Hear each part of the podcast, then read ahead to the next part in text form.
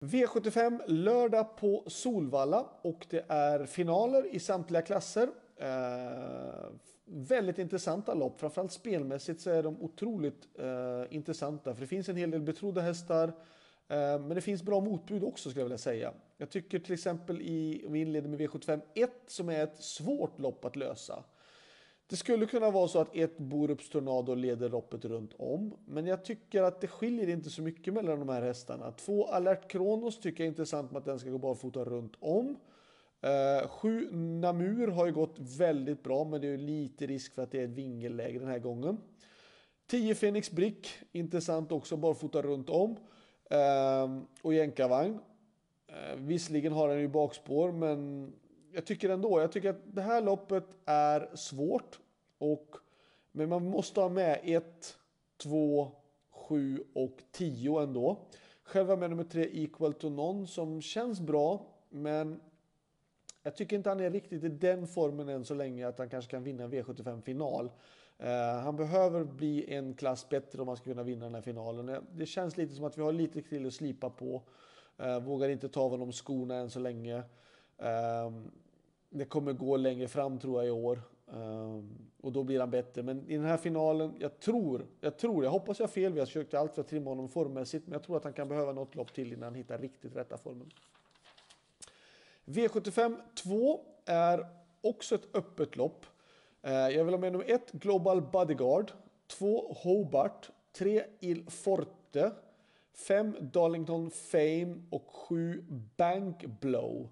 Uh, har jag råd med ytterligare något streck så vill jag ha med i sådana fall såklart nummer 12 Hurricane Woodland som var otroligt imponerande när han vann på Åby. Uh, men den tyvärr har dragit ett riktigt dåligt utgångsläge den här gången. Så att 1, 2, 4, 5 och 7. Um, ehm, det är också ett svårt lopp. Jag tycker de här första två inledande loppen är jättesvåra att lösa faktiskt. V75 3 är ju då nummer två Who's Who, en stor, stor favorit.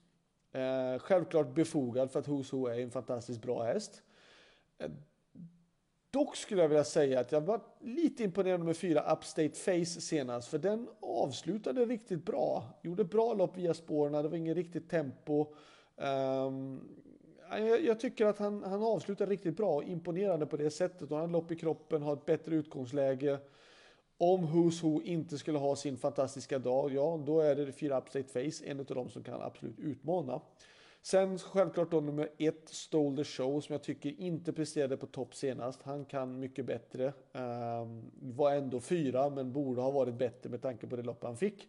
Nu har han ett, ett mycket bättre utgångsläge och um, ja, absolut. Vi vet ju att hästen kan, även om vi nu då bortser från senaste starten så vet vi att den här hästen kan utmana. Eh, 6mG skol, likadant. Och om det nu skulle bli toktempo eh, så vet vi om att 11 Bledugers är den som skulle vara mest gynnad av ett hårt tempo. Men spikförslaget är ju då såklart den väldigt hårt betrodda nummer 2 Who's Who.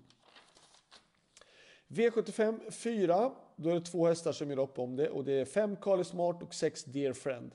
Jag tror att Dear Friend tar ledningen och Eh, stor chans att den kommer att orka leda runt om. Men Carly Smart, om hon går barfota runt om och öppnar eh, skapligt bra och kan ta sig till döden så kan hon absolut plocka ner Dear Friend från utvändigt. Hade det varit 2140 meter istället för 640 meter då hade jag nog kanske kunnat tänka mig att spika 5 Carly Smart för att hon är så pass bra. Men det är 640 meter och på så sätt så skulle jag tänka mig att ranka 6 Dear Friend före Carly Smart. Själv kör nummer 12 Betting Pacer. Eh, hon är duktig men sjabblade lite grann med travet senast, galopperade och har nu dragit spår 12 640 meter och det är klart att det är ju svårt. V75 5. 5 Phoenix Photo är stor, stor, stor favorit. Eh, absolut, hästen har varit fantastiskt fin. Eh, och det är klart att han har en väldigt bra chans. Men jag kan tycka att sju Eddie West som nu äntligen ska tävla barfota runt om. Vi vet vad bra han springer när han springer barfota runt om. Jag kan tycka att det är intressant. Sen likadant nummer 11 Unico Broline som har visat som fantastisk form. Eh, jag vill ta tre hästar. Jag vill ta med de här. Jag vill ha 5, 7 och 11. Skulle jag då säga någon slags varning. Och jag tror de blir väldigt lite sträckade och det är nummer fyra Innovation Love. Uh, och ett riktigt, riktigt lyxstreck i sådana fall är nummer 6, Santis Cocktail. Men jag tycker hästen har gått bra, visar bra form. Skulle det bli så här nu att de här krigar med varandra för att Eddie West är ju tuff. Phoenix Foto är tuff, Unico Brolan är också tuff och det betyder att det kommer inte bli någon speeduppgörelse på något sätt och vis i det här loppet. Då kan det bjuda in till någon som får en smörresa. V75 6, eh, final i diamantstot och eh, normalt sett ska det här loppet stå mellan hästarna som står på 20 meters tillägg och 40 meters tillägg. Det vill säga 7 Santigriff, 10 Kattis Boko, 14 Devs Daffodil och 15 Ini Mini Mini Mo. Men jag tycker man ska passa sig för de här hästarna som står på start. Eh, dels för att det är några av dem som kommer ta av skorna och Eh, kommer springa mycket fortare än vad de har gjort tidigare. Det gör ju såklart de här som står på 20 och 40 också. Men det kan göra en stor, större skillnad på en häst som har lite lägre prispengar på sig som inte kanske har gått heller barfota så många gånger. Uh, och därför väljer jag då att passa upp för nummer två, Kala Major DEB, som har vann ju senast. Uh, tre, La Ferrari Dimanche och uh, 4. Dream of Money DE. Eh, Dream of Money DE var tvåa i sista starten och gick då med skor och mötte 14 Devs Daffodil och gjorde, Dream of Money gjorde bra lopp och fick inte jättemycket stryk ändå. Nu är det barfota bak. Ehm, kan vara intressant om det blir en förbättring. Och sen nummer fem Hatusa som har gått bra och aviserat barfota runt om och det är klart att det är intressant. Men såklart 7, 10, 14, 15 ska rankas före men sen där bakom är det då 2, 3, 4 och 5. Avslutande V75 7 och då är det spik på nummer 10 Amalensius BB. Uh, eh, Amalensius BB har gått jättebra.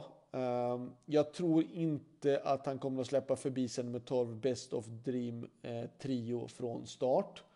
Eh, jag tror inte de andra är intresserade av att svara de här som är på start. Jag tror inte det i alla fall. Ehm,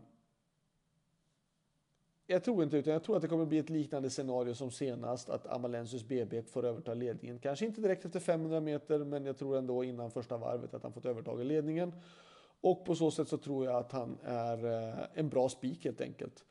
Ehm, utmanare och varningar. Ja såklart jag kan tycka att de här två Djokovic, tre Devs definitivt och fyra Huddlestone är eh, absolut intressanta om de här nu två betrodda 10 Amalensius BB och 12 Best of Dream Trio skulle ha dåliga dagar. Men för mig är ändå spiken 10 Amalensius BB. Slutsummering. Mm, bästa chansen, inte mycket heta chanser den här omgången tyvärr. Men jag tycker ändå att den som var en besvikelse senast lite grann på prestationen och det var ju då såklart i den tredje avdelningen nummer ett Stole Show. Men han kan få revanschen den här gången.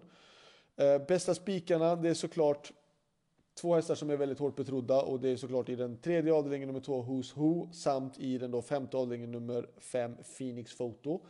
Men jag tycker att de blir otroligt hårt spelade och det finns eh, en bra anledning tycker jag på många sätt och vis att gå emot de här hårt betrodda den här omgången. Så det var allt. Lycka till så hörs vi igen. Ha det bra. Hej då!